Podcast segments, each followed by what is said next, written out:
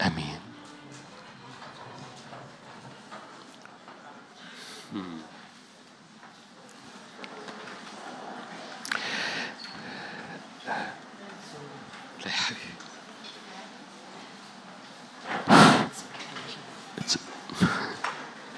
okay. ازيكم؟ كويسين؟ منورين؟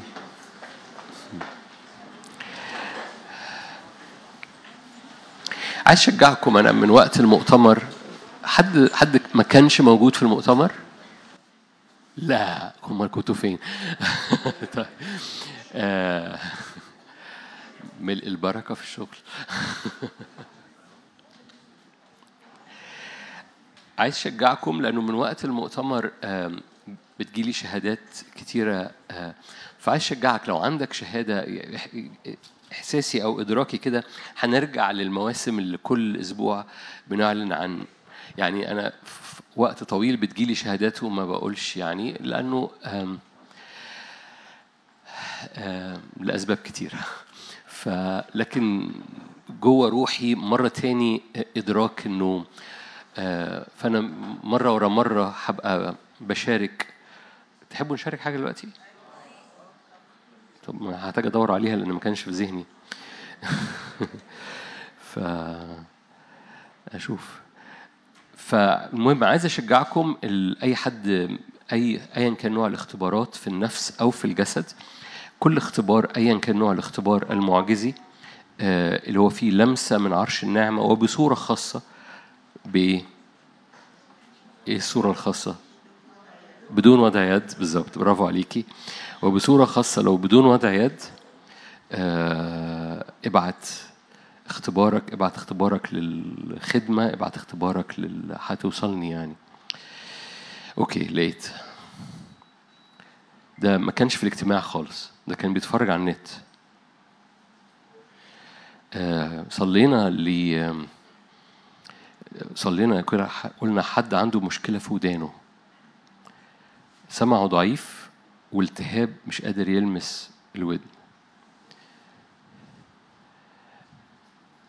في الأغلب قلنا إن في اتنين عندهم المشكلة دي. حط إيدك قلنا صلينا كده وحط إيدك على مكان المرض والرب يأتي ويستمر في الإتيان. أنا عملت كده والرب اتمجد بشكل فوري في المشكلتين الالتهاب والسمع. ده هو في البيت. هللويا مجدا للرب. عشان بس أضع ابتسامة على وجهكم وهو بيكمل الرسالة بيقول كده. أنا كنت بسمع الخدمة في كافيه وبشرب القهوة.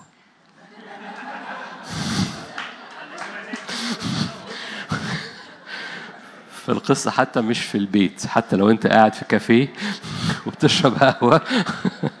الرب ما عندوش مشكلة يعمل زيارة أو يلمس لمسة. فده أول اختبار لينا في حد في كافيه. بيشرب قهوة. إيه السبب اللي جوايا تشجيع؟ لأنه لأن معظم الشهادات اللي جات لي حقيقة بعد المؤتمر كلها بدون وضع يد وده بيشجعني جدا بيطيب قلبي جدا. لأنه بيوصل لي رسالة أو زي أخونا كده اللي هو مش موجود في القاعة يعني شخص مش مش, بس مش موجود في القاعة ده في كافيه.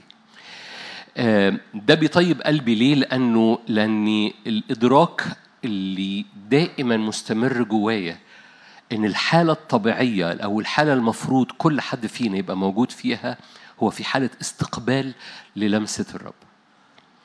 ما تعودناش على كده ما تربيناش على كده جسمنا ما تعودش على كده إني أنا في بيت أو في الغيط في العربية أو في اجتماع أنا في نفس الحالة في انتظار لمسة. نقطة زيت تقع في أرضي وتقوم مغيرة كل حاجة في طبيعتي. هذا هذا النوع من الحياة هذا نمط الحياة اللي هو ال- التوقعي للمسة السماء المستمرة. تتبعي لهذه النقطة أو ال- ال- ال- ال- السكيب أو هذا الدهن اللي بينسكب من وجه الآب على على حياتك وعلى قلبك ما بيقفلش. ما بيقفلش. هو 24 ساعة سبعة أيام في الأسبوع. ممكن أستقبله في أي لحظة. وهو بالنعمة. وهو مش فارق معاه أنا موجود فين. لو أنا موجود في أعلى لو في قمة السماوات أو فرشت في الهاوية روحك الصالح يهديني. أين أهرب من وجهك؟ لو طلعت إلى السماوات لو فرشت في الهاوية فها أنت. أين أذهب من وجهك؟ من روحك أين أهرب؟ فالروح القدس هيجيبك هيجيبك. بس انت استقبله. بس انت ادرك انه انك ممكن تميل عليه في أي لحظة. ممكن تميل على وجهه في أوحش حالاتك. فاكرين في مزمور 68 قال كده إذا جلستم إذا اضطجعتم في الحظائر. فأجنحة الروح القدس مليانة فضة فضة يعني فدا وذهب يعني مجد. لو اضطجعنا في الحظائر الحظائر ده مكان مش تعرفوا الحظائر جمع إيه؟ برافو. فلو اتجعنا في حظائر متنوعة مش حظيرة واحدة يعني عندنا حظائر كثيرة. فأنا في حظيرة وعندي حظائر كثيرة. إذا اتجعنا في الحظائر فأجنحة الروح القدس ترف وتجيبني وأنا في الحظيرة. ومش تجيبني ده تجيبني بأجنحة فضة يعني فدا وذهب يعني مجد. هذا النوع من الحياة. بص أنا أنا أنا لسه ما زلت في موضوع الشهادات. هذا النوع من الحياة بي بي اللي هو الحياة التوقعية للمسة أو حركة أجنحة الروح القدس في المية بتاعتي. بتفتح حياتنا بطريقة مستمرة لمعجزة مستمرة. أيا كان مكاني. أنا مش بتكلم على الاجتماعات دلوقتي. أنا بتكلم على الشارع على البيت على الشغل على ال... على الكوفي شوب أنا بتكلم على أيا كان الحالة في كل لحظة. وهذا النوع من الحياة اللي هو اللي هو في الآخر في الآخر كتابي. اللي هو جعلت الرب أمامي إمتى؟ مش في الاجتماعات بس يعني. جعلت الرب أمامي كل حين. لأنه عن يميني فلا أتزعزع. فالرب مش معايا وأنا بصلي بس. الرب جدع جدا. مش معايا وأنا بصلي بس. مش معايا وأنا فاكره بس. فكل مرة في كل طرقك لما بعرفه في كل طرقك أعرفه هو يقوم سبلك هو بيديك الطريق هو بيديك القيادة بيديك الحكمة بيبارك كل خطوة لأن أنا مدرك حضوره اللي بيأتي على حياتي بالنعمة كل لحظة وما بيقفلش. عمره ما بترفع قلبك ليه ويدور وشه.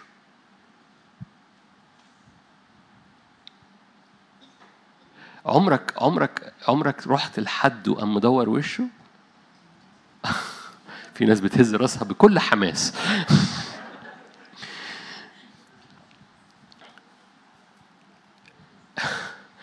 في بعض الأحيان اللي بدور وشك ده كان ليه حق. ودي جملة بايخة. ليه؟ لأني أنا ما كنتش في حالة تستحق إنه يديني وشه. لكن الرب عجيب جدا إني أنا عمري ما ببقى في حالة تستحق إنه يديني وشه وعمره ما بيدور وشه. حد فاهم حاجة؟ عم ابدا وأنا في أوحش حالاتي عمره ما بيدور وشه. وشه يعني حضوره وجهه يعني حضوره. وشه يعني نعمته وشه يعني استعداد إنه يسكب لمسته ويحرك أجنحة حضوره على المية بتاعتي. ولما المية بتاعتي بتتحرك المعجزة بتحصل لأن لما الملاك بيحرك المية اللي بيلمس المية المتحركة بيخف. أنتوا هنا؟ هذا النوع من الحياة أنا أنا ما زلت بعمل بعمل قصة الشهادات عشان كده عايز أشجعك ابعت شهاداتك. لأنه بصورة خاصة اللي بدون وضع يد. ليه؟ لأنه لأنه يعني أمين لو أنت جواك تبعت شهادة بوضع اليد أمين. لكن أنا بيحرك قلبي وبيحرك إيماني زي اللي كنا بنحكي عليه في آخر اجتماع من المؤتمر. الرب يطلع مجتمعات المعجزة فيها جماعية. مش معقولة وضع اليد يبقى جماعي. وفي بعض الأحيان وإن كان في وسطينا بنعمل وضع يد جماعي لكن لكن بتأتي أزمنة المعجزة مش من خلال وضع اليد لأن هو ده قلب الآب. فأنا عمال بنشن على قلب الآب. قلب الآب الذي يريد أن يرف على كل نفس عطشانة في حالة استقبال وتتبع لوجه الرب.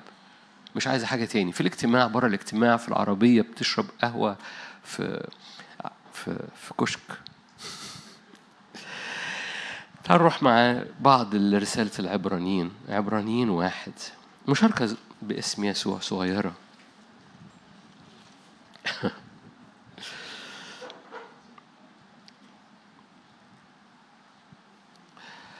عبرانيين من واحد من واحد لثلاثة آيات ذهبية يعني من الآيات اللي هي إيه محفوظات كده زي زي يوحنا واحد زي تكوين واحد آيات كده اللي هي إيه؟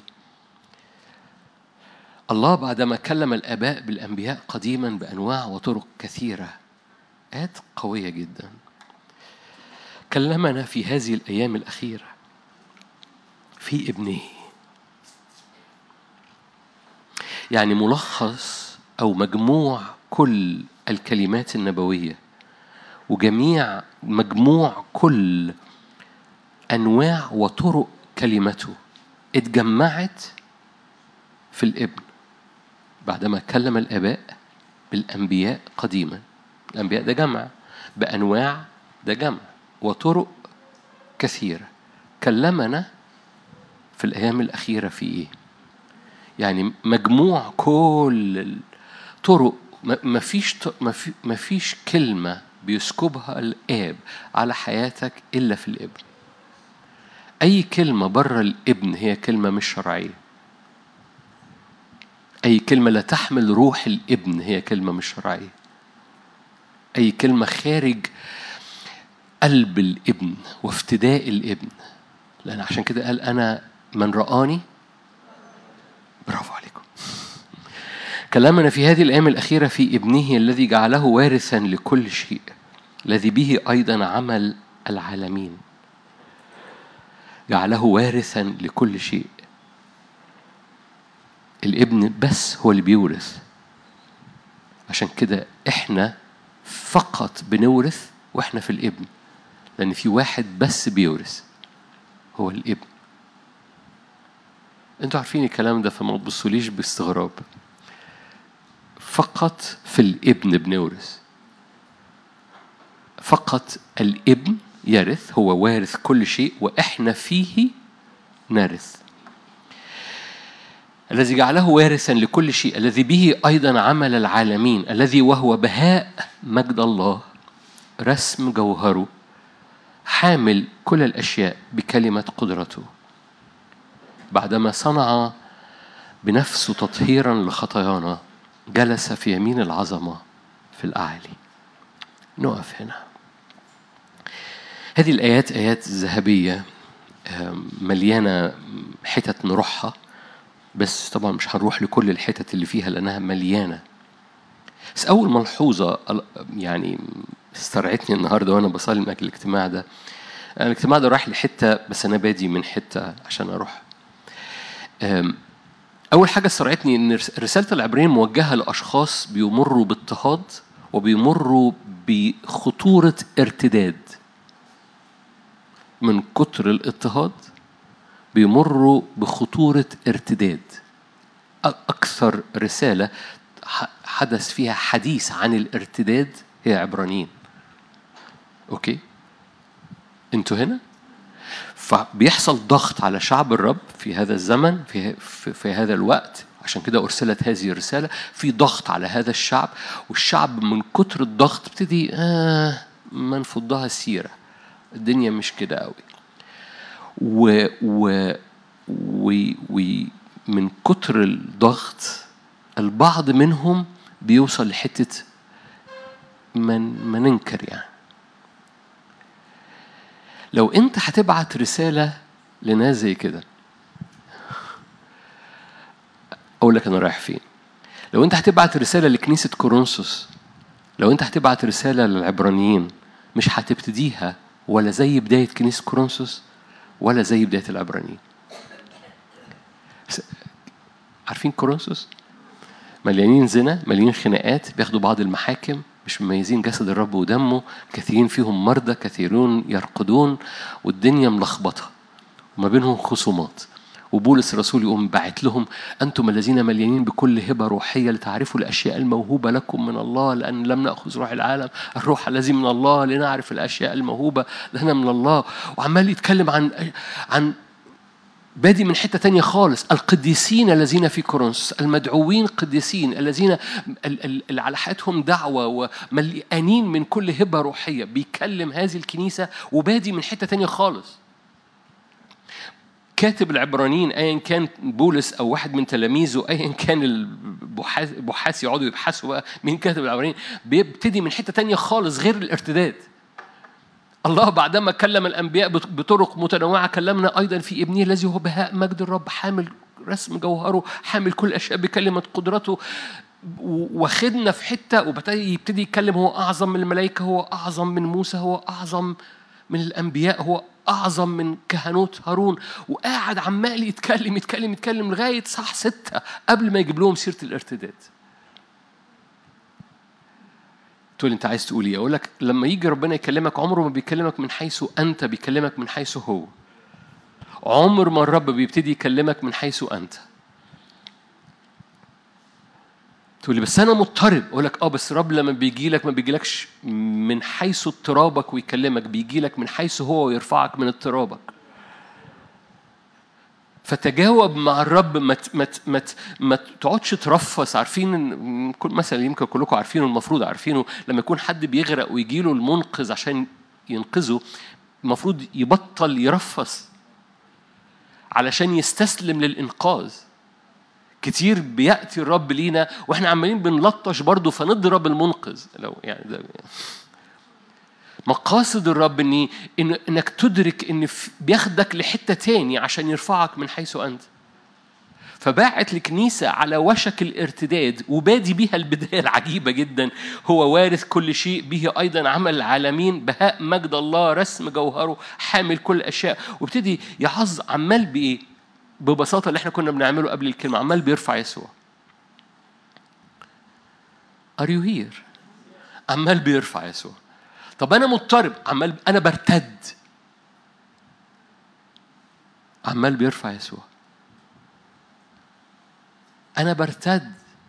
قال لهم كده أنتم لستم من الارتداد أيها الإخوة. دي آية في العبرانيين. يعني يعني بلطافة ما ترتدوش. أنتم لستم من الارتداد أيها الإخوة. أكثر أكثر آيات فيها حديث عن السقوط والارتداد عبرانيين. بديهة من حتة تاني خالص. من ببساطة يعني إيه؟ دايما الرب يجي يقوم بيرفعك من حيث أنت إلى حيث هو جالس إلى حيث قدرته إلى حيث بهائه إلى حيث مجده وإلى حيث دعوته على حياتك. وبعد يبتدي يتكلم بقى معاك عن الطين. ويقوم واخدك حتة ورا حتة ورا حتة من حيث أنت إلى حيث الحتة اللي شاور لك عليها في بداية كلامه. ده دايما ستايل الرب ده دايما طريقة الرب ده دايما الروح النبوي دايما بيتحرك بهذه الطريقة. فدي أول ملحوظة. إن ارتفعت أجذب إلي الجميع. عشان كده مرة تاني معظم المعجزات بتحصل وإحنا بنرفع يسوع. إن كان في وقت العبادة أو في وقت الصلاة أو في وقت الكلمة لو أنت قلبك ابتدى يرفع يسوع حتى في وسط الكلمة وكنت في وضع استقبال مش مشغل أنا دي محاضرة أنا بسمع محاضرة. no no no no أنت حرك روحك لاستقبال المعجزة حتى وأنت بتسمع. كل مرة بترفع يسوع حتى وأنت بتسمع المشاركة ده مجال لاستقبال المعجزة. تاني حاجة نبص عليها أو تاني ملحوظة نبص عليها. بص معايا على آية ثلاثة آية ثلاثة جميلة أوي. هو بهاء مجد الله. خلي بالك اتكلم عن يسوع. رسم جوهره حامل كل الأشياء بكلمة قدرته. صنع بنفسه تطهيرا لخطايانا. جلس في يمين العظمة في الأعالي ما أعرفش لاحظت حاجة ولا لأ؟ بادي الآية بقوة خلق هو عمل العمل العالمين آخر آية اتنين هو عمل العالمين هو بهاء مجد الله رسم الجوهر هو حامل كل الأشياء بكلمة قدرته. فبادي بقوة خلق الله وقوة حفاظ الله على الأشياء. وانتهى بإيه؟ بالفدا. انتهى بالفدا. صنع بنفسه تطهيرا لخطايانا. أوكي؟ وحطهم في نفس الآية.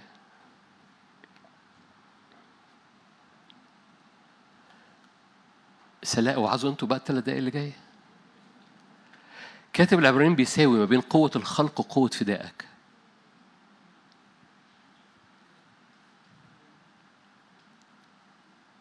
لا ده أنتوا جمال قوي النهارده. أنتوا جمال قوي. كاتب العبرانيين بيساوي ما بين قوة الخلق وقوة الفدا اللي حصلت في حياتك. خليني أعيد الصياغة. قوة الفدا اللي فادتك على الصليب هي بنفس القدرة بنفس القوة بتاعة الخلق. لو مش مصدقني هجيب لك آية تاني المفروض أنت تذكرتها دلوقتي. في آية تانية واضحة. بس أنا عايز أثبت جواك على الإعلان. الرب اللي فداك فداك بنفس القدرة لما قال ليكن نور. الرب اللي فداك الرب اللي بيفتدي أرضك بيفتدي بنفس القدرة اللي كانت في الكرة الأرضية كلها خاربة وخالية بلا منظر والرب أم حول كل شيء وصار حسن جدا. هذه القدرة بتاعة الخلق هي نفس القدرة بتاعة الفدا لأرضك.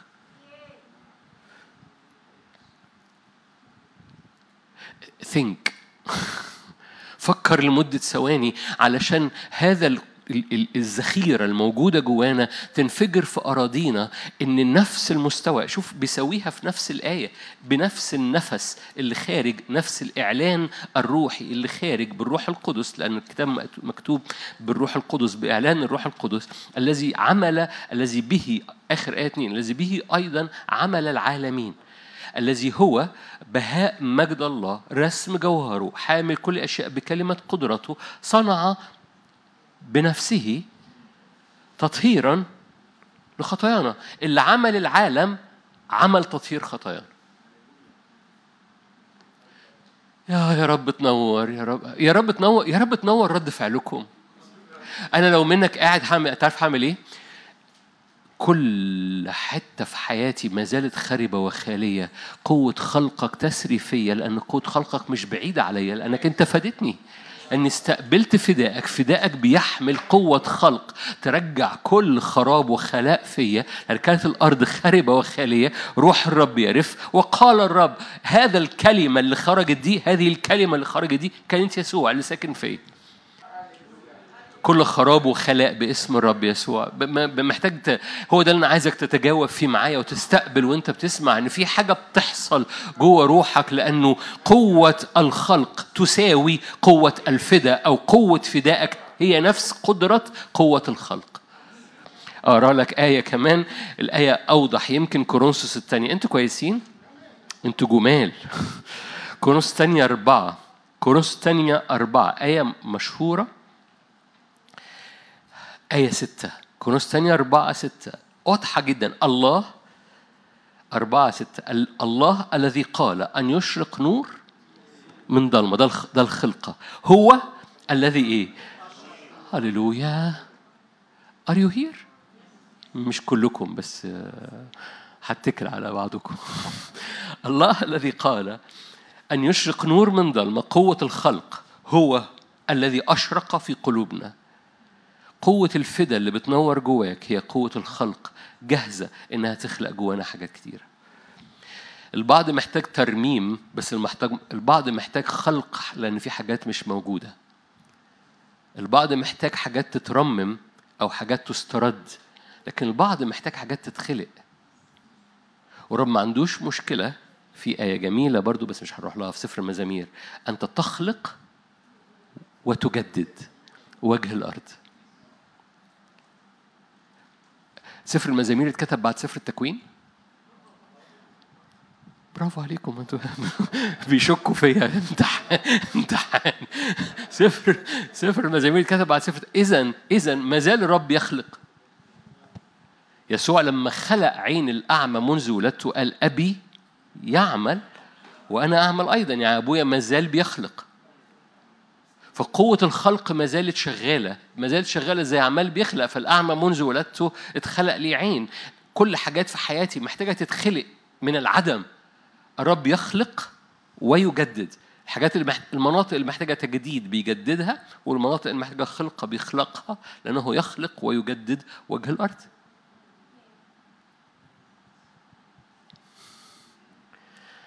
آمين. امين لأن في رجاء لحاجات كتيرة في حياتنا. أمين لأن في رجاء لأمور ماتت إنها تقوم. أمين لأن في رجاء لأبواب اتقفلت إنها تتفتح. أمين لأن في رجاء مفيش منطقة في حياتك كابن للرب استقبل فداء الرب. هذا الفداء يخلق ويجدد وجه أرضك. أمين لأن مفيش أبواب مقفولة في المسيحية. ده أنتوا جمال جدا. مفيش أبواب مقفولة في المسيحية. في المسيحية مفيش أبواب مقفولة. لأن كل مرة بترفع إيدك بإيمان كل مرة بتثق في محبة الإله الخالق الذي يخلق كل الأشياء وحامل كل الأشياء بكلمة قدرته مفيش أبواب مقفولة في المسيحية. لأنه بيخش والأبواب مقفولة. ولو لو لو في موت هو له في الموت يعني حتى الموت ما بيقفلش عليك. Are you here؟ طيب. ف ده ده إدراك لازم تدركه. يعني خليني عارفين الموت الموت مش بس موت. كتاب مقدس يقول كتير كتير في آيات كتيرة يحكي عن إن الموت له ظلال. يعني إيه؟ يعني قبل ما يبقى موت يرمي عليه حب يرمي حبة ظلال. فيقول لك دول اللي ماشيين في ظلال الموت. ان سرتوا في وادي ما أنتوا حلوين اهو. ماشي؟ فالموت في بعض أحيان ما بيبقاش كده خبط لزق. في بعض الأحيان بيجي كظلال. ظلال على النفسية ظلال على الرجاء ظلال على على الدعوة. يعمل ظلال للموت. ما توافقش ولا على الموت ولا على ظلاله. استقبل النور الذي قال أن يشرق نور من ظلمة هو الذي أشرق في قلوبنا لإنارة معرفة مجد الله. لإنارة هذا الاختبار معرفة يعني اختبار لإنارة اختبار مجد الله مش إنك تعرف عن مجد الله لا تختبر مجد الله. وبالتالي في حاجة في حاجة رائعة في الحتة دي إنك. لا تسمح حتى بالشادوز. عملنا مشاركة عن تهرب الظلال في, في اسكندرية. بس بس يعني هستعمل منها حبة آيات دلوقتي بس مش هو ده موضوعنا أنا مش عايزك مش عايزك توافق مش بس على الموت ولا على ظلاله. طيب تعالوا نبص على الآية في في نشيد الأنشاد. نشيد الأنشاد. نقرأ الآية لغاية لما يقولوا لنا هيحصل إيه. نشيد الأنشاد.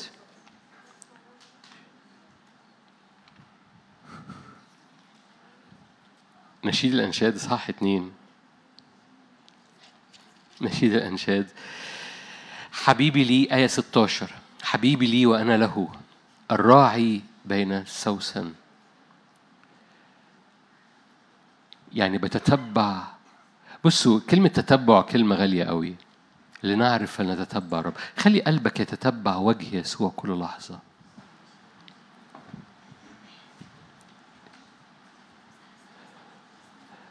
تتبعك للحضور تتبع مش بتكلم على الاجتماعات مش بتكلم على دلوقتي. وانت مروح النهارده بالليل قدامك اتنين اوبشن تقعد تحكي انت وصاحبك و... و... أو وانت مروح مع صاحبك ترفع قلبك كل شوية كده وانت بتتكلم معاه وتتتبع الرب جواك. انت عارف انك ممكن روحك تتتبع الرب وانت بتتكلم وبتشرب كوكاكولا ممكن روحك تتتبع الرب وتتتبع وجه الرب وانت بتعيش حياتك طبيعية وفجأة هتلاقي نفسك بتتكلم أقل بتعمل حاجات ملهاش لازمة أقل لأن في حاجة أغلى بتحصل جواك إن عينين قلبك بتتتبع الحضور الإلهي. حبيبي لي وأنا له الراعي بين السوسن يعني بخرج وراه إلى أن يفيح النهار. النهار بيبقى ليه ريحة تفوح. لما النهار بيفيح بالنور بتاعه بريحته يحصل إيه؟ شايفين التعبير الجاي ده؟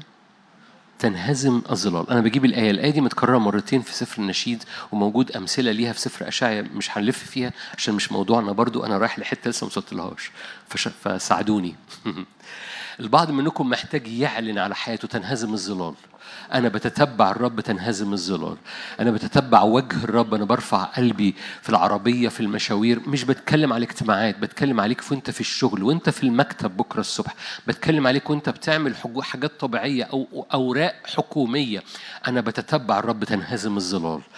أي ظلال سودة بتترمي على نفسيتك على قلبك على بيتك على صورة مستقبلك. لأن الموت ما بيجيش في بعض الأحيان كده خبط لزق في بعض الأحيان بيجي كظلال للموت. وظلال الموت اكتئاب ظلال الموت حزن ظلال الموت مرض ظلال الموت صورة سلبية عن الزمن الجاي يرمي كده عباية سودة فتبص من خلالها لكل حاجة. ودي ظلال ظلال للموت. من فضلك أرفض الموت وظلاله.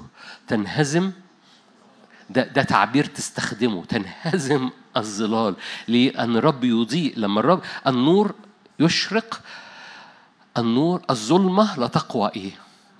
الظلمة لا تقوى على النور. في في في إدراك كده الذي قال أن يشرق نور من ظلمة قد أشرق في قلوبنا لإنارة اختبار مجد الله. هذا النور بيهزم الظلال في قلوبنا.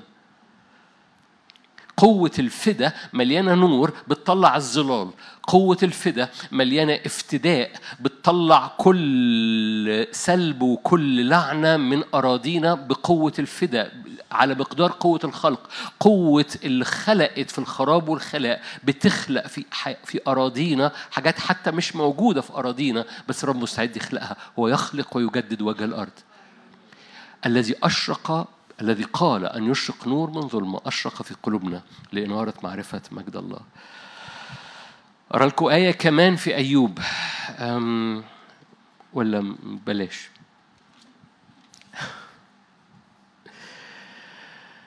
هللويا. تجزم أمرا فيثبت لك وعلى طرقك يضيء نور. لا نقراها حطيها لي على الشاشة. أيوب 22 بص أنا أنا ليه ليه بضيع مش بضيع وقتي أنا ليه بقرأ آيات برغم إن مش النقطة اللي أنا عايز أشاركها عشان آخد دقايق صغيرة في الآخر. أنا ليه بشارك هذه الآيات؟ لأن عايزك تصلي بهذه الآيات وعايزك تتنبأ بهذه الآيات. بصورة خاصة على طريقك يضيء نور. أنت ما وصلتلهاش لسه. أيوب 22 أيوب 22 28 تجزم أمرا فيثبت لك أنا عايز الجزء الثاني على طرقك إيه؟ حد نفسه في الآية دي؟ حد محتاج قرارات في الزمن اللي جاي حد محتاج حماية في مواجهات أو في مشاوير أو في أمور هيعملها هو أو بيته أو أمور حكومية بصورة خاصة أوراق حكومية على طرقك يضيء نور أمور في الشغل أمور في أبوابك أمور في في البيزنس بتاعك على طرقك يضيء نور أمور في مواجهات في المكتب عندكم مع الرؤساء مع الناس اللي بتتعامل معاهم وفي احتمالات ظلال سودة بتحصل في الشغل. ترفع إيدك كده وعلى طرقك يضيء نور. النور أقوى من الضلمة الضلمة تهرب من أمام النور. الذي قرأ أن يشرق نور بيشرق في قلوبنا. دي قوة خلق بتعدي علينا لأن في استقامة بتحصل أول ما ما فيش نور بيحود. النور دايما مستقيم فيجعل طرقك مستقيمة. لأن على طرقك يضيء إيه؟ نور. فيجعل طرقك مستقيمة. Are you here؟ يجعل ما أعرفش عنكم بس دي دي آية تجنن. إنه لما لأن النور مستقيم فيجعل طرقك مستقيمة. لو أنت طلبت النور ينور على كل منطقة في حياتك. لما يجعل طرقك مستقيمة الكلاب بتهرب. الشارع المظلم الكلاب بتتجمع فيه. الشارع المنور الكلاب بتهرب منه. امشي في الطرق الجانبية بتاعت المقطم كلها كلاب. أنا بروح أصل الطرق الورانية كلها كلاب. كلها ليه كلها ضلمة؟ في في الشارع الضلمة الكلاب تجتمع نور الشارع الكلاب تهرب. ليه؟ لأنه لما على طريقك يضيء نور تهرب أرواح الشر. لأنه ما بتعرفش تسكن في النور النور يضيء الظلمة لا تقوى على النور. يعمل استقامة. تعال نروح معايا لتيموساوس الأولى. أنا هروح للي أنا عايز أتكلم فيه. تيموساوس الأولى. اصحاح اثنين أنا كل ده كنت بقول لك ذخيرة تحارب بيها بس في أوضتك وفي أزمنتك وفي أسبوعك. تيموساوس الأولى صح اثنين أنتوا هنا؟ أوكي. أطلب أول كل شيء أن تقام طلبات صلوات ابتهالات تشكرات لأجل جميع الناس. هذه يمكن معروفة بس بس مش عارف معمولة ولا لأ. هي معروفة لكن معمولة دي قصة تانية. تقام طلبات صلوات ابتهالات تشكرات لأجل جميع الناس لأجل الملوك وجميع الذين هم في منصب لكي نقضي حياة مطمئنة هادئة في كل تقوى وقار. مش علشان نريح لكن لأن هذا حسن ومقبول. لدى مخلصنا الله الذي يريد أن جميع الناس يخلصون وإلى معرفة الحق يقبلون. آية 8 فأريد أن يصلي الرجال في كل مكان رافعين أيادي طاهرة بدون غضب ولا جدال كذلك النساء. وأن يزين ذواتهم. كلكم عارفين التعليق اللي دايما بقوله في هذه الآية. بولس مش بيقول الرجالة يرفعوا إيديهم يصلوا والستات يلبسوا حشمة. بولس بيقول الرجالة والستات يصلوا. حد فاهم حاجة؟ النقطة حتة تاني في الأصل اليوناني. نروح لل... لل... اللي جوايا وأنا عمال بشارك البعض كان عمال بيرفع إيده وأنا مشغول النهارده ب... بإدراك حاجة في الصلاة مهمة قوي الرب أعطى الأرض لبني آدم. الآية دي موجودة في مزمور 115 مش هفتحها عشان الوقت. السماوات سماوات للرب أما الأرض. رب أعطى توكيل الأرض لبني آدم. برغم إن الجملة بتتسمع في هذه الخدمة كتير لكن مش عارف مقدار إدراكنا ليها. توكيل أرضك أعطي ليك. مسؤولية أرضك أعطيت ليك. وأنا بقول أرضك ده يعني بصورة مبسطة. مسؤولية الأرض كلها أعطيت لبني آدم أو لولاد الرب. عشان كده الخليقة بتئن منتظرة استعلان ولاد الرب لأن الرب أعطاهم توكيل الخليقة أنا عارف الكلام منظره كبير بس خليني هقول لك حتة في القصة دي. لأن هذا التوكيل أعلى من مقدارنا أعلى من قدرتنا. بنصلي. الصلاة بتدي اللي واخدين التوكيل إنه يدوا صلاحية للخالق إنه يمد إيده على التوكيل بتاعهم. الصلاة بتعطي الصلاحية للسماء إنك إنها تلمس كل حاجة أنت بتصلي لها.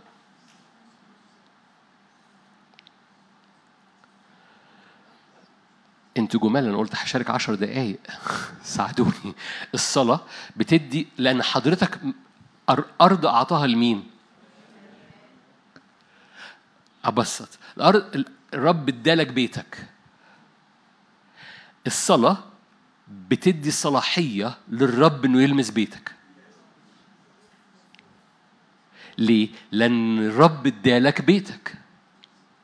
الرب ادالك شبابك الرب ادالك مستقبلك الرب ادالك أبوابك الرب ادالك والرب أعطى الأرض لبني آدم.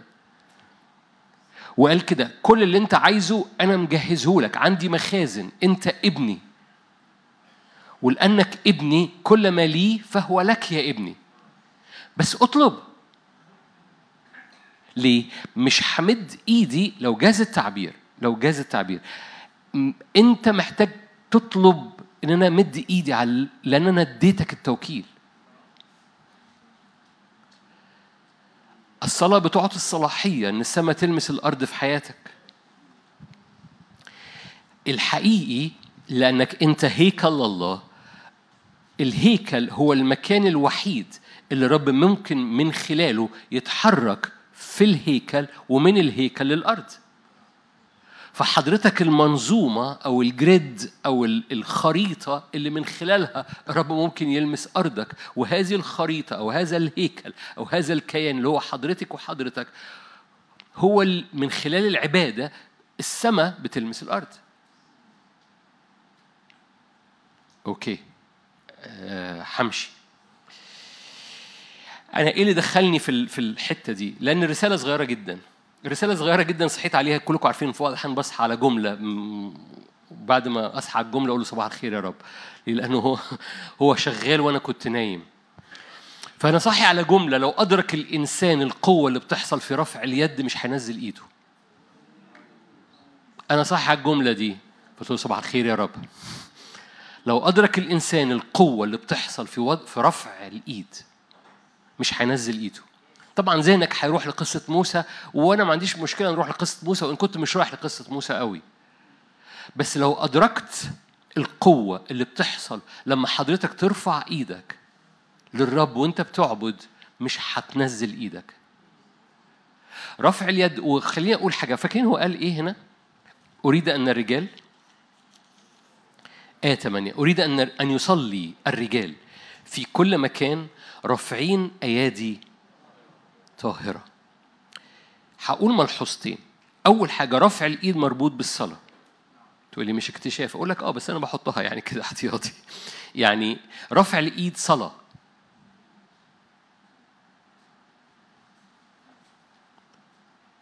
هقولها مرة تاني رفع الإيد صلاة. الأيادي نوعها إيه؟ طاهرة. يعني إيه أيادي طاهرة؟ يعني كحول يعني؟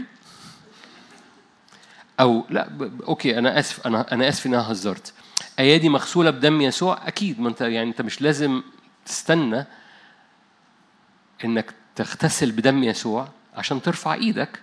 فهي مؤكد أيادي مغسولة بدم يسوع. لكن هو ما اظنش بصراحة ممكن يكون رأيك مختلف لكن أنا ما اظنش هو بيتكلم إنها أيادي مغسولة بدم يسوع. انطباع بتاعي ممكن يكون صح ممكن يكون غلط. هو أيادي مرفوعة طاهرة بمعنى مش مظهرية. مش علشان اللي حواليا يشوفوني. وأنا عايز أشجعك لإيدك المرفوعة في الأوضة. مش بقول إن الايادي اللي بتترفع في وسطينا مظهرية بس أنا عايز أقول إن رفع الإيد في الأوضة في الخفاء بيجازيك فيه الرب علانية. وده بيؤدي لرفع الإيد في العلن فأنا مش بلغي رفع الإيد في العلن بس القصة الايادي الطاهرة هي ايادي مرفوعة للرب بدون مظهرية. هي ايادي مرفوعة متقدمة للرب قدس هي آدي مرفوعة أنا مش شايف وأنا رافع إيدي غير وجهه ومش شايف غير رفع في رفع إيدي غير إني بقدم ذبيحة قدام الرب. رفع اليد في هذه الآيات مربوط أريد أن تقام طلبات صلوات ابتهالات تشكرات أطلب أول كل شيء. تقام طلبات صلوات ابتهالات تشكرات لأجل جميع الناس. لأجل الملوك والرؤساء وكل من هو في منصب. أنا لسه رايح للحتة بس أنا دخلت في في المضمون. رفعة إيدك في هذا الزمن مهمة جدا وبصورة خاصة في الخفاء. رفعة إيدك في مشاويرك رفعة إيدك في أزمنتك العبادة من خلال رفع اليد. خلينا نروح معاك لحبة آيات يمكن مش مشهورة أو يمكن مش واضحة. خروج تسعة. أنتوا كويسين؟ أذكرك بالجملة اللي أنا صحيت بيها. لو أدرك الإنسان القوة في رفعة إيده مش هينزلها.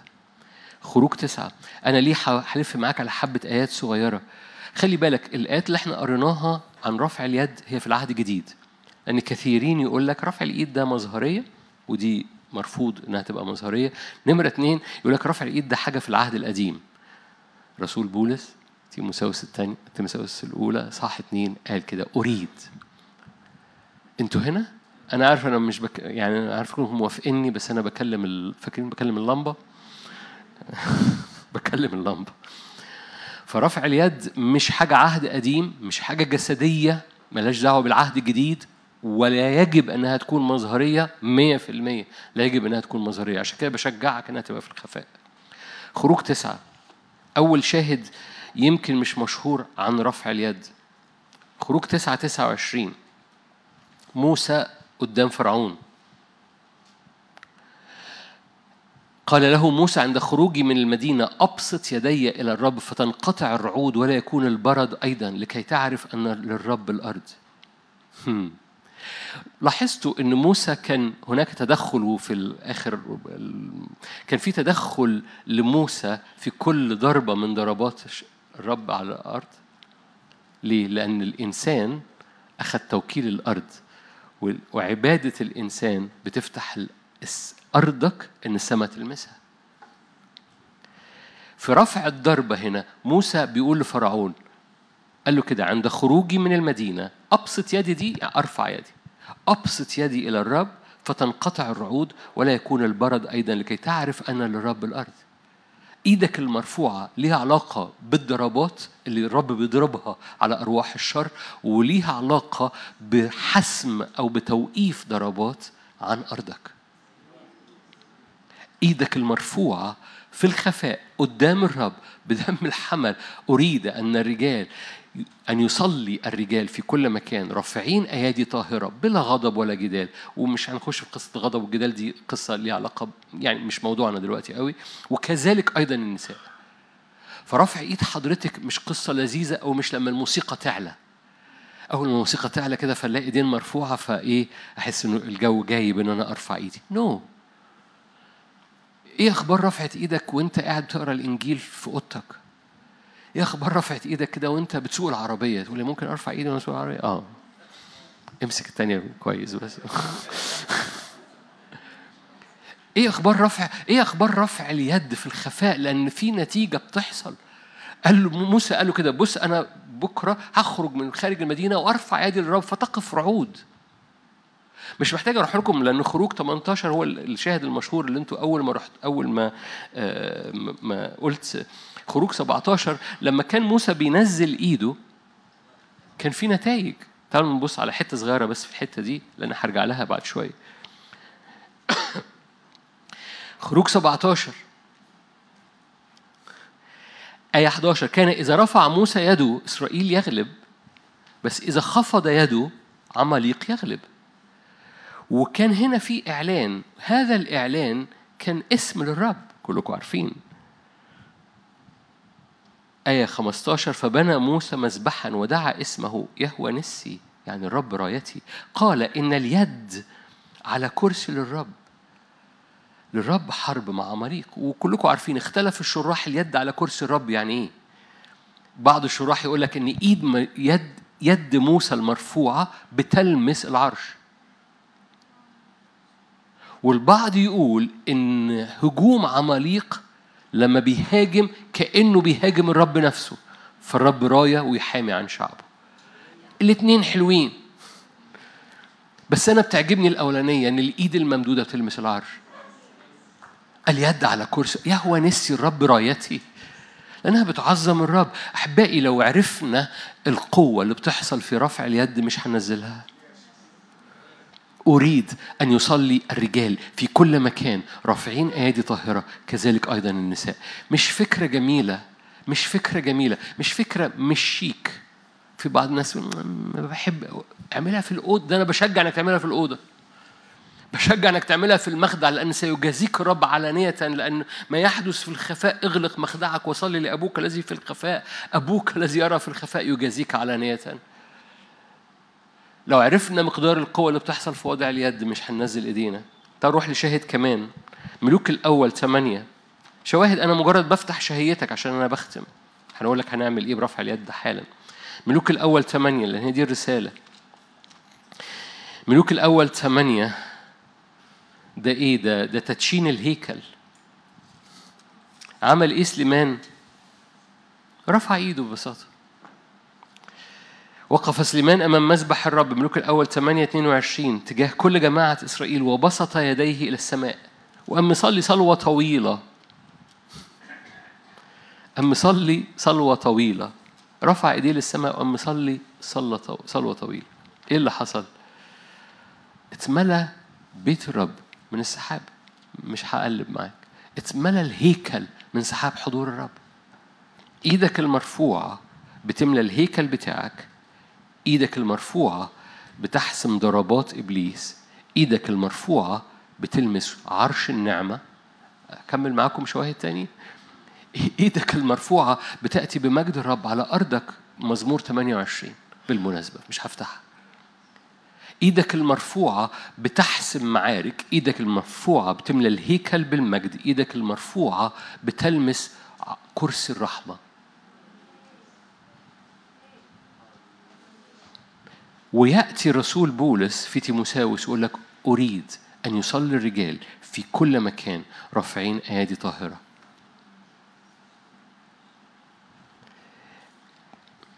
ممكن تستعمل اللي أنا بعمله ده كأنه وعظة. بس اللي أنا شايفه في الزمن ده واللي أنا بنادي بيه زي ما بيقولوا بنفير. عارفين إخواتنا بتوع النفير؟ أنا بطلق نفير. لصلوات مقتدرة من أجل جميع الناس الملوك والرؤساء وكل من هو في منصب. أنا بطلق نفير من أجل الصلاة لمنطقتنا والأمم والملوك والرؤساء في منطقتنا في الزمن ده. ده اللي أنا رايح له. لأن دي كانت الجملة التانية اللي, كانت اللي أنا كنت صاحي عليها. إن ده الزمن نقف من أجل مصر ومن أجل مقاصد الرب على كل أمة في المنطقة. الرب في دعو دعوة على كل أمة في مقاصد. إنه زمن نصلي للرئيس بتاع البلد دي. إنه زمن نصلي من أجل مقاصد الرب وتتميم مقاصد الرب في البلد دي. أنتوا عارفين ان أنتوا عارفين إن الكنيسة خير للبلد مش لأن إحنا بس ملح للأرض وإن إحنا الكنيسة خير للبلد من جهات كتيرة قوي. غير إن إحنا ملح ونور و... و... و... والامتداد الملكوت. الكنيسة أفضل حاجة للبلاد وأفضل حاجة للرؤساء. ليه؟ لأنه مين مين أمة تانية يقول لك كده أو مين مين دين آخر لو جاز تعبير دين وما كنتش بحبش كلمة دين يعني مين طريق آخر بيقول لك اشتغل في شغلك كأنه للرب؟ كل ما فعملتموه فعملوه للرب. ده بيكلم العبيد للسادة يعني الموظف للشغل بتاعه. يقول له كده اعمل للسيد بتاعك كأنك بتعمل للرب. أي أي أي شعب أنا أنا أنا بوجه الكلام للأمة بس بوجه الكلام ليكم. أنت المفروض بتشتغل في شغلك كأنه للرب. تقول أنا بشتغل في بنك ده مش للرب. آه بس أنت بتشتغل في البنك كأنه للرب. ده أنا رئيسي وحش. أقول لك أخبار نبوخذ نصر كان كويس يعني كان ابن حلال ما كانش بيظلم حد. دانيال قال له ليعش لتعش أيها الملك. إيه القصة دي؟ القصة إنه بيعمل في وظيفته كما للرب البعض مش عاجبه الكلام بس هكمل فيه. الحاجة التانية إن الكتاب المقدس مش بس بيقول لك اشتغل في وظيفتك كما للرب الكتاب المقدس بيقول لك صلي للملوك وكل من هو في منصب. أوكي؟ في دعوة من أجل رفع إيدك من أجل البلد ومن أجل رئيس هذه البلد ومن أجل مقاصد الرب على هذه البلد.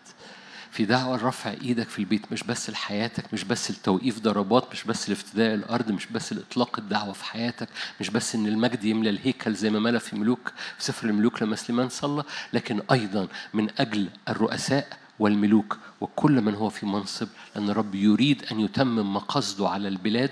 لما بيتمم قصده على البلاد بيحصل خلاص للنفوس لأن الرب يريد أن الجميع يخلصون لما إبليس بياخد البلد عكس القصد الإلهي النفوس ما بترجعش للرب.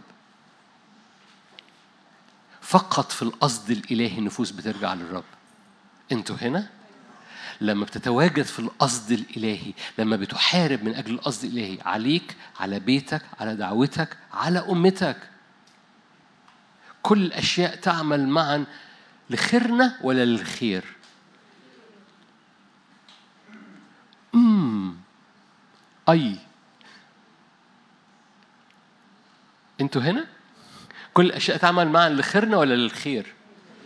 للذين يحبون الرب المدعوين حسب قصده. حلو قوي فدول مدعوين بيرفعوا إيديهم. كل الأشياء. فاكرين هو حامل كل الأشياء؟ كل كل الأشياء في حياتك محمولة بكلمة قدرته بس هو حامل كل الأشياء من ضمنها الأمم والمقاصد والشعوب والملوك والرؤساء. ويقول لك لما بترفع إيدك قدامي أنا بحمل كل الأشياء حواليك لأني أنا حامل كل الأشياء بكلمة قدرتي وبجعل كل الأشياء تعمل معا لخيري؟ آه لخيرك. بص لما كل حاجة هتبقى في مكانها هيبقى في خير ليك بس هي للخير. أوكي. هو يوسف لما اتسجن ولما اتظلم كان لخيره؟ أنتوا جمال. أنا دخلت في حواري كلها صعبة. في وسط الحدث ممكن تقول ده ما كانش للخير بس يوسف قال أنتم قصدتم بي شر؟ حلو قوي. طب اللي حصل مع يوسف كان لخير يوسف؟ no no no نهايته نهايته. بقى رئيس وزراء مصر. بقى لخير مين؟ لخير مصر. لخير فرعون. لخير الأمم المحيطة بمصر لأنها جت تشتري وتأكل خبز. كل الأشياء تعمل معا للخير. يا رب تنور. أنا بختم. يا رب تنور. كل أشياء تعمل مش لخيري مش me me me me me, me, me. أنا مدعو وبلدنا مدعوة ومقاصد الرب على بلادنا لازم تقف من أجلها. لما بتقف من أجل مقاصد الرب بإيد مرفوعة رب يحرك كل أشياء معا للخير. ليه؟ لمقصده عشان أنه يريد أن الجميع يخلصون ولمعرفة الحق يقبلون. فأنت مش واقف بس عن مي عن نفسك وعن أنا لخيري ولبركتي ولأبوابي. نو أنت واقف مقاصد الرب أنك تقف للخير لأجل جميع الناس. كل حاجة بتصلي أنت بتفتح إن إيد الرب تتمد عليها تصور معايا. أنا بصلي لكل حد في الشارع بتاعنا. أنا أنا فأنت بتعمل إيه؟ أنت بتفتح إن إيد الرب تتحط على رأس كل واحد ماشي في الشارع بتاعك. طب ده ينطبق في الآية ينطبق في الآية. أريد أن يصلي جميع الناس. يا رب إحنا بنرفع الرئيس بتاع هذه البلد. رائع. بتفتح إيه؟ بتفتح المجال إن إيد الرب تتحط عليه وعلى حك... على حكمة وعلى ظروفه وعلى قلبه وعلى تواضعه وعلى قراراته. يحفظه في التواضع يحفظه في الحكمة. دي الصلوه اللي دايما بصليها للرئيس بتاعنا. يحفظه في التواضع يحفظه في الحكمة. ليه؟ لازم تعمل كده. ليه؟ لأنه أنت الرب أعطى الأرض لمين؟ الصلاة بتاعتك بتعمل إيه؟ بتفتح المجال إن السماء تلمس الأرض، الصلاة بتاعتك بتفتح المجال إن إيد الرب تتمد على كل حاجة بتصلي لها، لو عرفت القوة اللي بتحصل في رفع إيدك مش هتنزلها. لو عرفت القوة اللي بتحصل من خلال الصلاة أنت تصور شوف المنظر كده، اللي أنت بتصليه ده بتفتح إيد ربنا تحط على راسه. هتعرف تصلي لمديرك اللي مغلبك. انت محتاج ايد الرب تتحط على راسه. وبالتالي كل مرة بترفع إيدك انت بتفتح المجال ان السماء تلمس الأرض كل مرة. عشان كده ربط ما بين صلوا من أجل جميع الناس صلوا من أجل الملوك والرؤساء. اريد ان يصلى بأيادي مرفوعة من الرجال والنساء. بس بأيادي طاهرة. خلي بالك أيادي طاهرة يعني بدون مظهرية. عشان كده والنساء بلباس الحشمة بدون مظهرية. ما خدتوش بالكم؟ هقولها مرة تاني. ليه دخل على موضوع اللبس بتاع النساء؟ مش علشان صعيدي. هو داخل على المظهرية. فقال الرجال ارفعوا ايديكم والنساء. بس الرجال ما ترفعوهاش ببعد أنا راجل. والنساء ما ترفعوهاش ما ترفعوش ايديكم بمظهرية ثياب. هو بيلغي المظهرية من الرجال والنساء إن كان الرجال الرجال بافتخار أو النساء بثياب Are you here؟ فهو بيلغي كل حاجة كل حاجة لما بتتجمع في يسوع المسيح في حاجة الرب رفع ولاده إنه يبقوا وكلاء عن الأرض ويقول بص لما بترفع إيدك ليا بتفتح المجال إيدك المرفوعة على كرسي الرب بترفع المجال لإيدي إنها تلمس كل حاجة أنت بتصلي من أجلها. تصلي من أجل أولادك إيد الرب تمتد. تصلي من أجل أسوارك إيد الرب تمتد. تصلي من أجل خدمتك إيد الرب تمتد. تصلي من أجل بلدك إيد الرب تمتد. مرة أخرى إنه زمن هيستمر معانا من أجل الصلاة من أجل بصورة خاصة رئيس هذه البلد. أمين؟ خلونا نصلي مع بعض.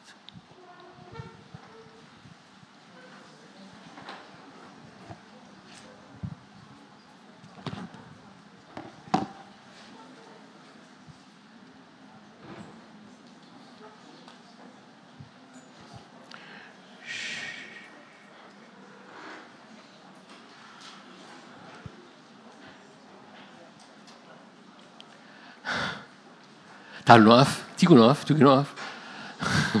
بالظبط كده. تعالوا نقف. تعالوا نرفع ايدينا من دلوقتي. هللويا. مش محتاج موسيقى عشان ترفع إيدك. مش محتاج ترنيمة عشان ترفع إيدك.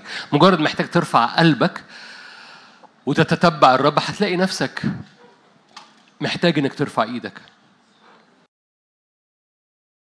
يريد أن يصلى في كل مكان. يريد أن يصلى في كل مكان رافعين أيادي طاهرة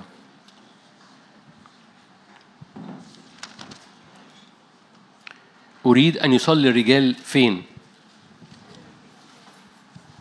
فاكرين الآية؟ يصلى فين؟ في كل مكان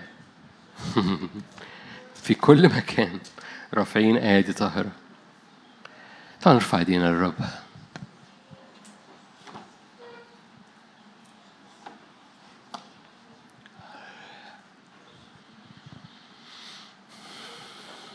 السماء سماء للرب أما الأرض فأعطاها لولاده. السماء سماء للرب أما الأرض فأعطاها لولاده.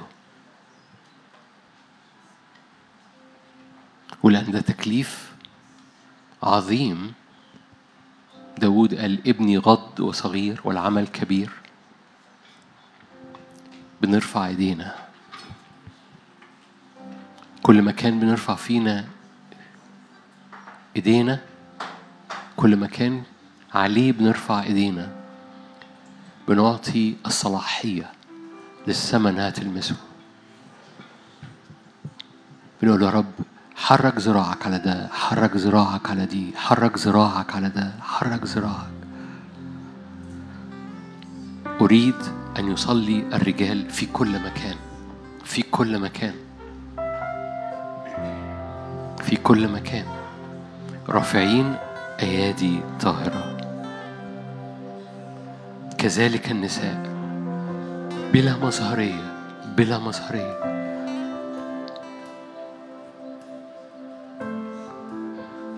أمين يا رب أنت بتولد شعب في بلدنا تولد شعب في بلدنا.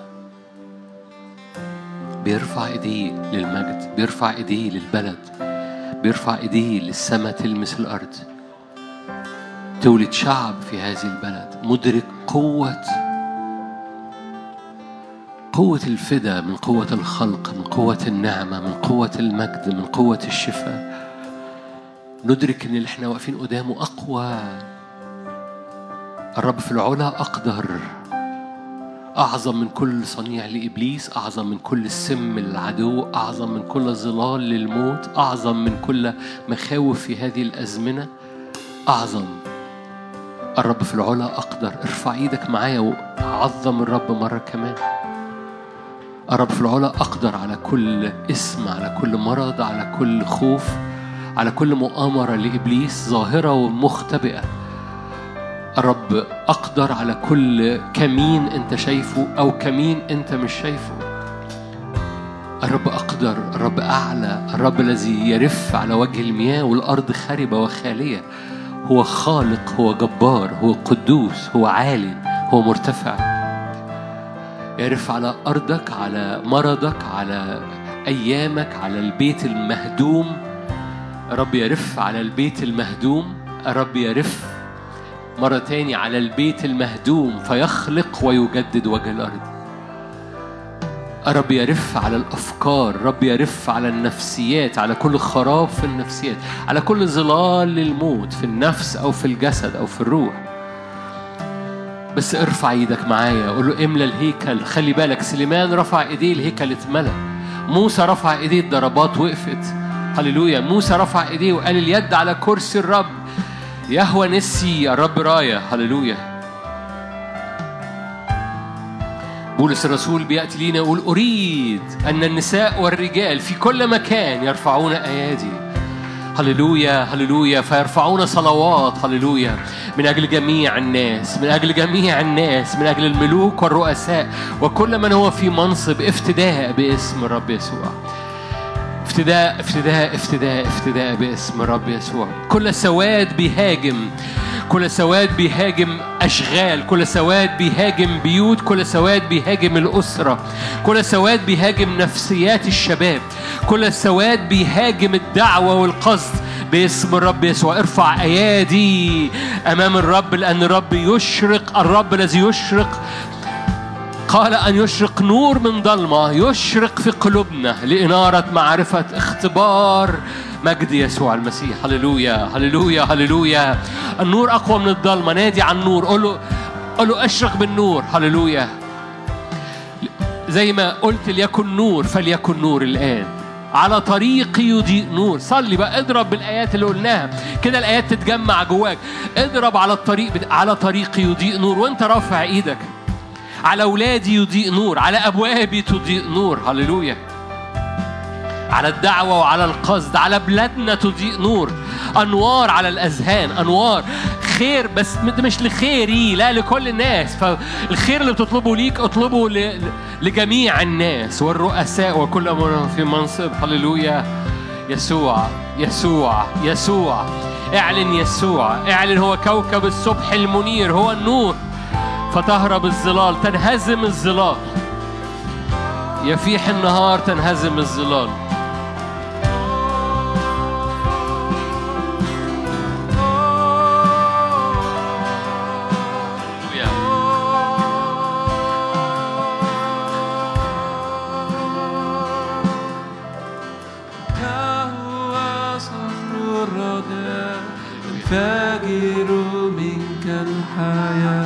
لأنك ربي الأمين أصرخ لك. يسوع. سمعت صوتي من العلا وتستجيب من السماء. أنهار مياه من عرشك تسكب هو صخر الرياح؟ الفارر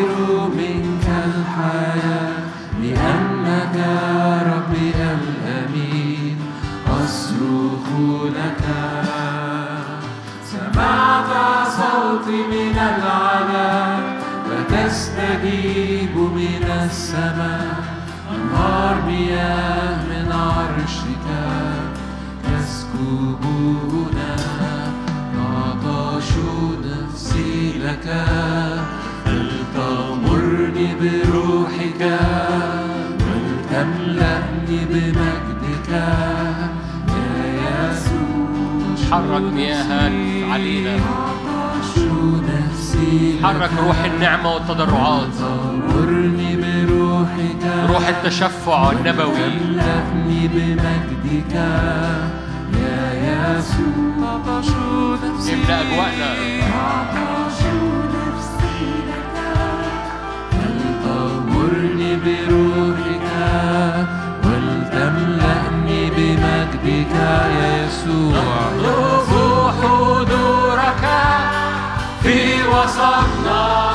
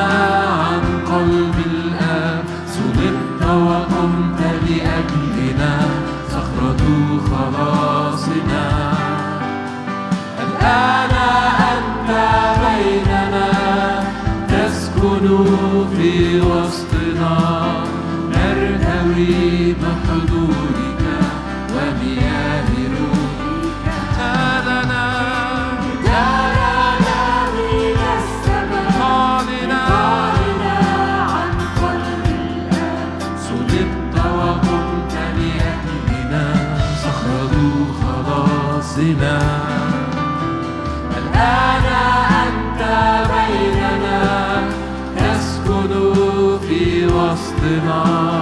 نرتوي بحضورك ومياه روحك.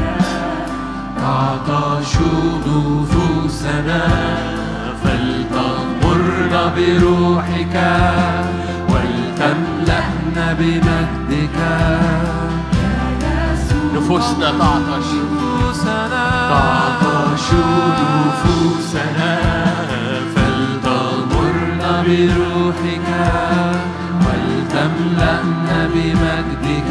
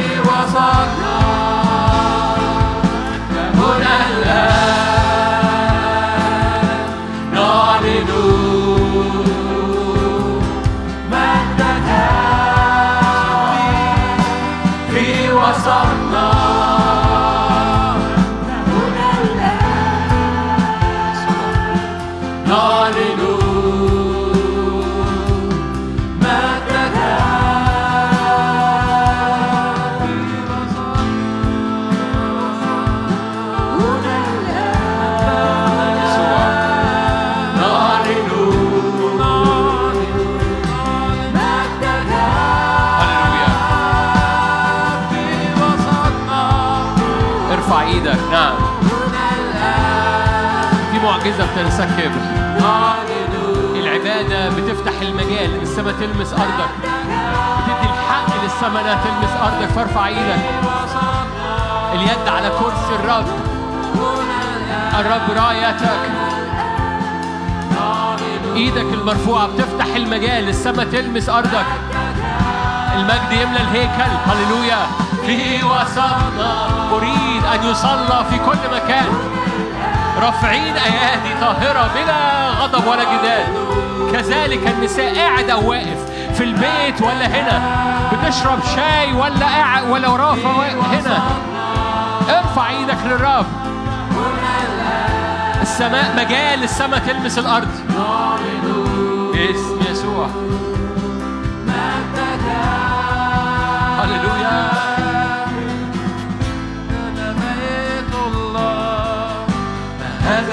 باب السماء.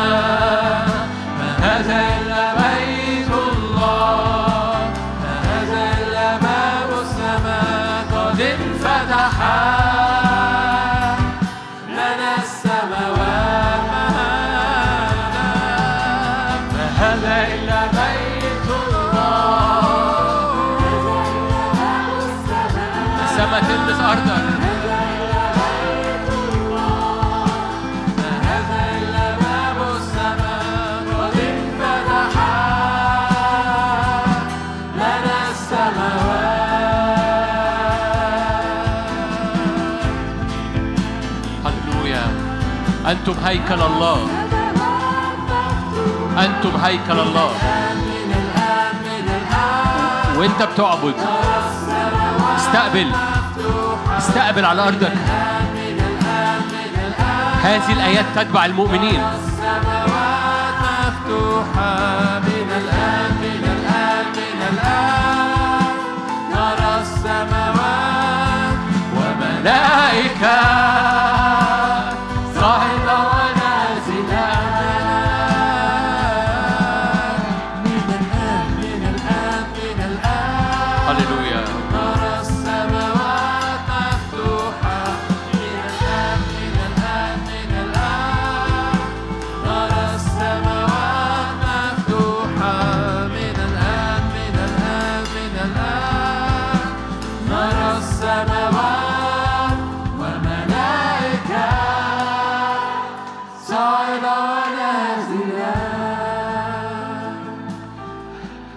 أدركنا القوة الموجودة في رفع اليد وفي العبادة مش هننزل إيدينا. ما أقصدش إنك مش بحملك مش بحمل لو إيدك تعبت تنزلها مش بحملك. لكن أنت مدرك المعنى الروحي اللي ورا ده. ومش بتكلم على الاجتماع بتكلم على الأوضة بتكلم على البيت بتكلم ومفيش موسيقى ومفيش ترنيمة. بتكلم على قلوب وعبادة بتعمل راية وهذه الراية بتترفع في إيديك. بتكلم على تكريس أرضك وتكريس الهيكل وتكريس الأمة من خلال إيدين مرفوعة لأنه قال كده أريد أن يصلى. تقام طلبات أول كل شيء طلبات صلوات ابتهالات تشكرات لأجل جميع الناس. يعني إد- إدوا الصلاحية لإيدي إنها تتحط على كل الناس. ارفع ايدي إيدك معايا من فضلك معلش. رب ببساطة بيقول كده بيقول لك إدوني الصلاحية ان أحط إيدي على كل الناس. إدوني الصلاحية أريد أول كل شيء أن تقام طلبات صلوات ابتهالات تشكرات لأجل جميع الناس. يعني افتحوا المجال إن إيدي تتمد على رأس كل حد في الأمة عندكم لأجل جميع الناس. هللويا. باسم الرب يسوع. فخلي في قيمة رفعت إيدك. حتى لو أنت قاعد ارفع إيدك. حتى لو أنت في البيت وإيدك التانية فيها شاي ارفع إيدك اللي ما فيهاش شاي. هللويا. باسم الرب يسوع. رب يقول لك اديني الصلاحيه ان امد إيدي على كل الناس على كل الأمة على كل الأمة على من أولها من ملوكها ورؤسائها أطلب أول كل شيء. طلبات صلوات ابتهالات تشكرات يعني تشفع نبوي تشفع مليان نبوة مليان إعلان. عشان كده في تشكرات وفي ابتهالات وفي في تسبيحات. ليه؟ لأنك بترى ما لا يرى. بتتكلم على البلد مش من حيث البلد. بتتكلم على البلد من حيث قلب الرب. مش بتتكلم مع الكنيسة من حيث الكنيسة. بتتكلم عن مع الكنيسة من حيث قلب الرب. هللويا. هللويا رب له مقاصد لمنطقتنا رب له مقاصد لمصر للأردن رب له مقاصد لكل الخط بتاع أشعية 19 رب له مقاصد لهذه الأزمنة فارفع إيدك باسم الرب يسوع هللويا أريد أن تقام صلوات تشكرات لأجل جميع الناس لأجل الملوك والرؤساء هللويا باسم الرب يسوع من أجل كل خط هللويا ما أعرفش أنتوا أوكي ثانية خليك معايا عارفين إن في خط في خطوط ال- ال- الأزمنة في هذه الأزمنة البلاد بيحصل لها alignment بيحصل لها تحالفات. بستعمل هذا التعبير كتير خلال هذا الوقت تعودوا عليه لأن هقوله كتير. الكنيسة بتتحالف مع السماء والأمم بتتحالف مع بعض. والرب بي لما بيلاقي أمة فيها كنيسة واقفة من أجل الأمة بتاعتها بيحط هذه الكنيسة في صف التحالف اللي في قلبه هو. في هذه السنة في هذه الأزمنة sorry الكنيسة بتتحالف مع السماء عشان الأمم تتحالف صح. في أمم بتتحالف غلط. مقاصد الرب كمثال كمثال. ما أعرفش أنتوا مدركين ولا لا أو بتقروا أخبار صح ولا لا بصورة نبوية. في خط بيحصل ما بين مصر والعراق. واضح إن ما عندكمش خبر. في خط بيحصل ما بين مصر والعراق. هذا الخط له علاقة بالأزمنة اللي جاية كلها لأن مقاصد الرب العراق كمان تبقى في القصد الإلهي وتنقذ من كل التاريخ بتاعها لأن مقاصد الرب أن ينقذ العراق في خط روحي بيحصل في هذا الزمن الكنيسة بتقف من أجل مقاصد الرب أنها تأتي على البلد ما هو لو لو لو الصلاة ملهاش نتيجة بنصلي ليه؟ لو اللي هيحصل هيحصل بنصلي ليه؟ نروح البيت ونشرب كوكاكولا كلنا. القصة كلها إن الصلاة بتحرك إيد الرب فتجعل كل الأشياء تعمل معا للخير لأن هو حامل كل الأشياء دي حطها مع كل الأشياء دي. هو حامل كل الأشياء. فأنتوا وأنتوا بتعبدوا الرب يحرك كل هذه الأشياء لتعمل معا للخير. مش خيركم أنتوا بس خير كل القصد الإلهي. الذين يحبون الرب المدعوين حسب خير الأمة. العراق مهمة جدا والكنيسة العراقية أنا عارف انهم بيتابعون الكنيسة العراقية مهم جدا إنها تفضل رافعة إيديها لإفتداء العراق وتحويل العراق لتحالف الرب في الأزمنة اللي جاية. دورنا نصلي للعراق 100% زي ما دورنا بنصلي للاردن زي ما بنصلي للاردن كتير قوي. ملك الأردن شخص مهم جدا في الأزمنة دي رئيس مصر شخص مهم جدا في الأزمنة دي إن السماء تتفتح بطاقتها وبقوتها على أشخاص مثل هذه مهم جدا في الزمن ده. ليه؟ لأن إيد الرب لما تتحط إيد إبليس بترفع. كم واحد هنا يحبك أنا بش... بفتح شهيتك بس عشان تصلي صلوات أنت مش متعود عليها. كم واحد هنا يحب إن إيد الرب تتحط على رئيس هذه البلد؟ كم واحد هنا كم واحد هنا يحب إن إيد إبليس تفضل محطوطه على على حياته؟ أكيد لا. وبالتالي لما إيد الرب تتحط على رئيس هذه البلد إيد إبليس بتترفع مقاصد الرب تتح- بتتحط على قلبه على ذهنه على قراراته على تواضعه على كل حاجة. أمين؟ مهم قوي الحكمة والتواضع لرئيس بلدنا لأنه ده مهم جدا. أمين؟ فتعالوا كمان مرة كمان نرفع إيدينا باسم الرب يسوع. القصد اللي على حياتك مش بس لخيرك القصد اللي على حياتك هو للخير. كل الأشياء تعمل معا للخير.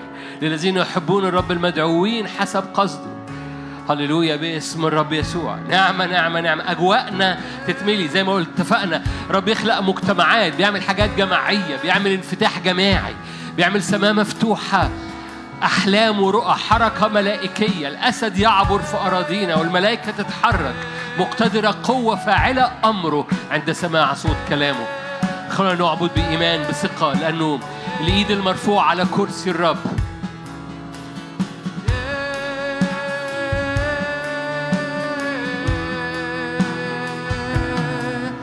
نتشجع بيض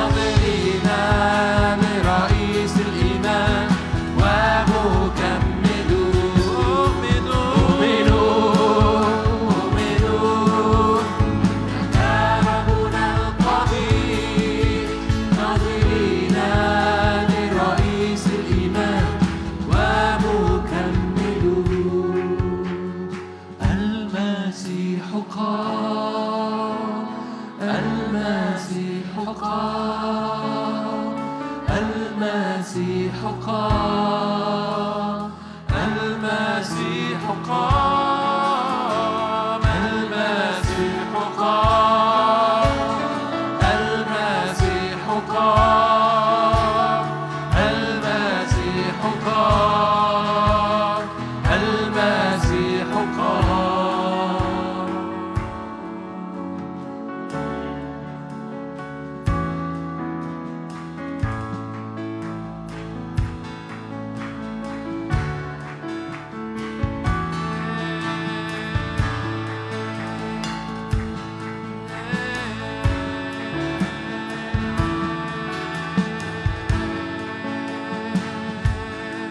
نؤمن حركة الروح القدس على كل احتياجات شخصية مش علشان مش علشان صلاح أو جود في أي حد فينا لكن أؤمن رب يتحرك على كل مواجهات شخصية بيفتح أبواب بيلمس وبيشفي أمراض من أجل تتميم الدعوة وتتميم القصد. القصة مش لخيرك بس قصة لخيرك بس للخير. القصة أنه الرب يريد أن يمطر على الأشرار. الرب يريد أن. أن يمطر ويضع يده على جميع الناس. الرب يريد أن يضع يده على جميع الناس. الرب كان مصالحا العالم العالم لنفسه في ابنه. عشان كده أعطانا خدمة اسمها خدمة المصالحة. فارفع إيدك معايا باسم يسوع. أرجو تتفتح شهيتك إنك تصلي لجميع الناس اللي حواليك للشارع بتاعك على الأقل. أرجو إنك تتفتح شهيتك إنك ترفع إيدك بإدراك من أجل هذه البلد ومن أجل رئيس هذه البلد ومن أجل الأمم والشعوب. أرجو إن مشاركتي عن العراق تفتح شهيتك إنك تصلي من أجل الكنيسة العراقية. أرجو إن شه... مشاركتي تفتح لغة جواك في الأوضة وفي البيت وفي العربية من خلال رفع صلوات ورفع إيمان ورفع عينيك. للحصاد في اسم يسوع. أؤمن أؤمن أؤمن أؤمن أؤمن. مستوى الحصاد مستوى السلطان مستوى المسحة الملوكية بيزداد في هذا الزمن. أؤمن قد جاءت أيام الحصاد. أؤمن أؤمن أؤمن إن إحنا سنرى في الأزمنة اللي جاية أؤمن إحنا سنرى في الأزمنة اللي جاية في الأمم والشعوب. خلاص جماعي. خلاص جماعي يعني مش مش مش مؤتمر كرازي بس. لا لا خلاص جماعي. أحلام ورؤى أؤمن أؤمن خلاص جماعي.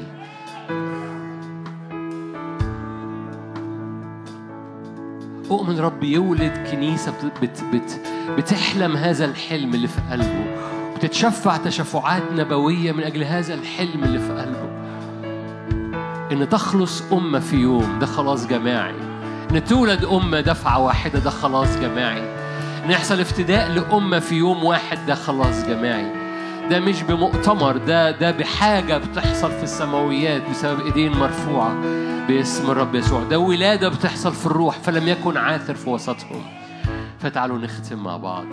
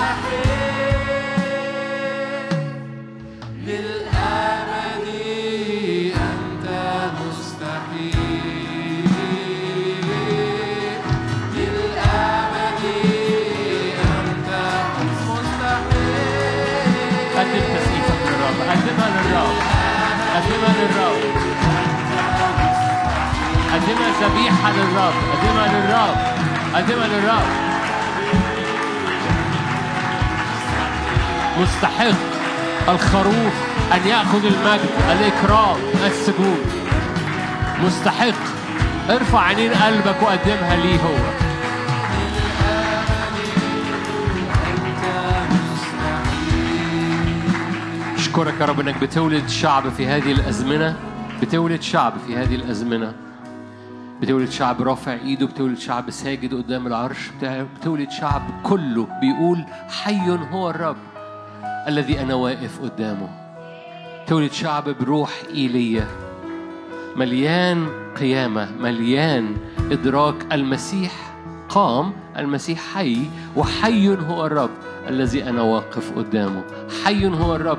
اللي أنا بقف قدامه في البيت اللي أنا بقف قدامه في الشغل اللي أنا بقف قدامه. في نهاية هذا الاجتماع ارفع إيدك معايا. مش هنصلي من أجل إحنا صلينا من أجل البلد. يمكن نصلي جملة أخيرة بس أنا مشغول أصلي من أجل بيت كل حد هنا. لو أنت شاب صلي من أجل بيتك لو أنت زوجة أو زوج صلي من أجل بيتك. باسم يسوع. هللويا. لتوضع يدك على بيوتنا. توضع توضع يدك على الأسرة. لتوضع يدك على الأولاد على الكبار على الآباء والأمهات. لتوضع يدك يا رب. تكون صلواتنا مجال بيديك الصلاحية إن إيدك تتحط على أراضينا وعلى بيوتنا. توضع يدك بالخير بالبركة بالحضور بالسلام بالدعوة بالقصد. صوابع إبليس تترفع من على بيوتنا. صوابع إبليس تترفع من على بيوتنا على كل أفراد بيوتنا. صلي من أجل ضع قدامك كل فرد و- من أفراد بيتك كبار أو صغيرين وصلي. يد الرب تتحط يد الرب تتحط. صلواتك بتاعت الصلاحية إن إيد الرب تتمد على كل جميع الناس على كل فرد في البيت. افتداء خلاص. حرية شفاء باسم الرب يسوع. باسم الرب يسوع. باسم الرب. تقام طلبات صلوات لاجل جميع الناس. مرة كمان يا رب نصلي من أجل مصر نصلي من أجل رئيس هذه البلد باسم يسوع. لتحزم مصر في حزمة الحياة. لتحزم مصر في حزمة الحياة. اعمل تحالفات حياة حزمة حياة لهذه البلد لتتميم القصد باسم الرب يسوع. رافعين ايدينا من أجل العراق. معلش يمكن بعضكم عمره ما صلى للعراق. في كذا كنيسة في العراق بيعتبرونا كنيستهم أو بيعتبرونا كنيسة واحدة معاهم. فارفع إيدك معايا صلي من أجل العراق. صلي من الخط الروحي اللي بيحصل ما بين مصر والعراق. مش بتكلم على مستوى الروح يعني على مستوى الكنايس بس لكن بتكلم على مستوى حتى السياسات حتى على مستوى تحالفات الأمم. في حاجة بتحصل ما بين مصر والعراق. باسم الرب يسوع.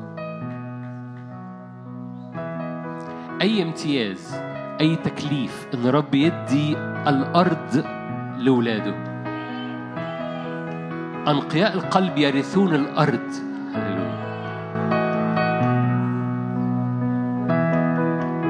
هم. باسم يسوع باسم يسوع. أشكرك أشكرك أشكرك أشكرك. محبة الله الآب نعمة ربنا يسوع المسيح شركة وعطية الروح القدس تكون معكم. تدوم فيكم من الآن إلى الأبد. آمين.